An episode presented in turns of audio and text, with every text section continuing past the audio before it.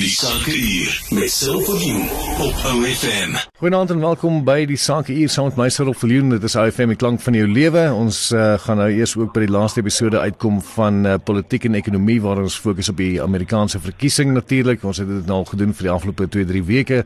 Ehm um, het uh, vir Rian Prinsloo van Efficient Groep op die lyn. Gaan met jou.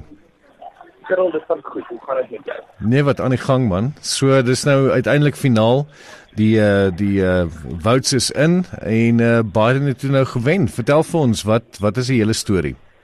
Ja, dit was toe glad nie so naby soos wat baie markdeelnemers en soort verwag het. Die Biden het die die stofierer buite tot baie oorgestel het gewen met amper 5 miljoen stemme. Dis baie, die Clinton het daai stem gewen met omtrent 3 miljoen. Dis regtig te sterk vir Biden. En uh, ja, dit is redelik, uh, jy weet die Amerikaners het dit gesê. Alrite. So wat wat is die pad vorentoe nou? Ek bedoel dit is nou dit is nou daar. Ons weet nou wie gaan nou die president word. Wat is wat is die pad nou?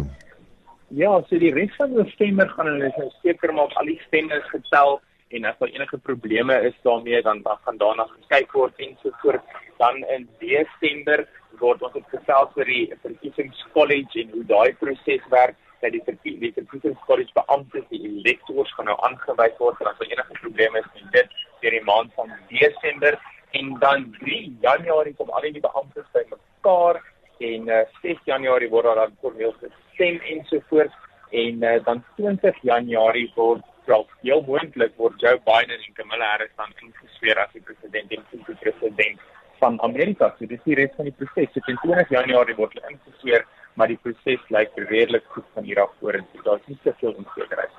So as ons kyk na die na die markte hoe hulle gereageer het, ek bedoel mense het almal maar gespekuleer, ek weet ons het gepraat die rand wat baie wisselvallig was, wat 'n bietjie op bietjie af was die hele pad, so terwyls dit alles maar redelik sterk oor die algemeen.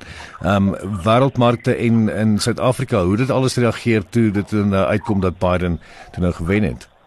Ja, so markte die 2 maande voor die verkiesing was markte redelik onder druk. Kyk na Amerikaanse markte was die markte tussen 8 en 10% laer die 2 maande voor die verkiesing. Daar was natuurlik uh, in die noordelike hemisfeer uh, corona gevalle wat op opgetel het. So dit is moeilik om te sê presies wat dit doen gehad met die coronavirus en wat dit doen gehad met die verkiesing. My verkiesing het definitief onsekerheid veroorsaak.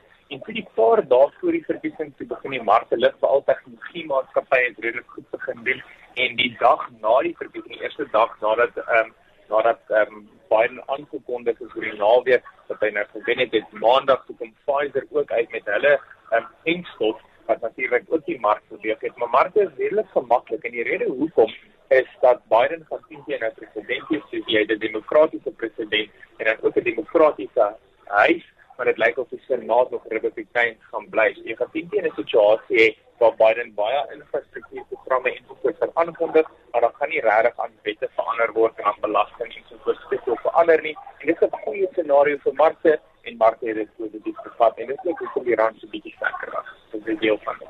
Alright.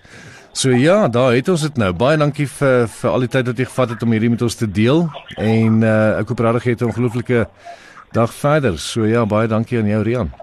Nee, baie dankie vir ons. Ek noem Rian Prinsloo hier op AFM se sake hier, politiek en ekonomie, hoe hulle mekaar beïnvloed met 'n fokus op die Amerikaanse verkiesing. Dan ook nou eers uh, het hierdie reeks tot einde gekom. Jy is aangeskakel op AFM bly ingeskakel, dog sake nuus wat aan die kant toe kom. Die sake hier met Silverview op AFM.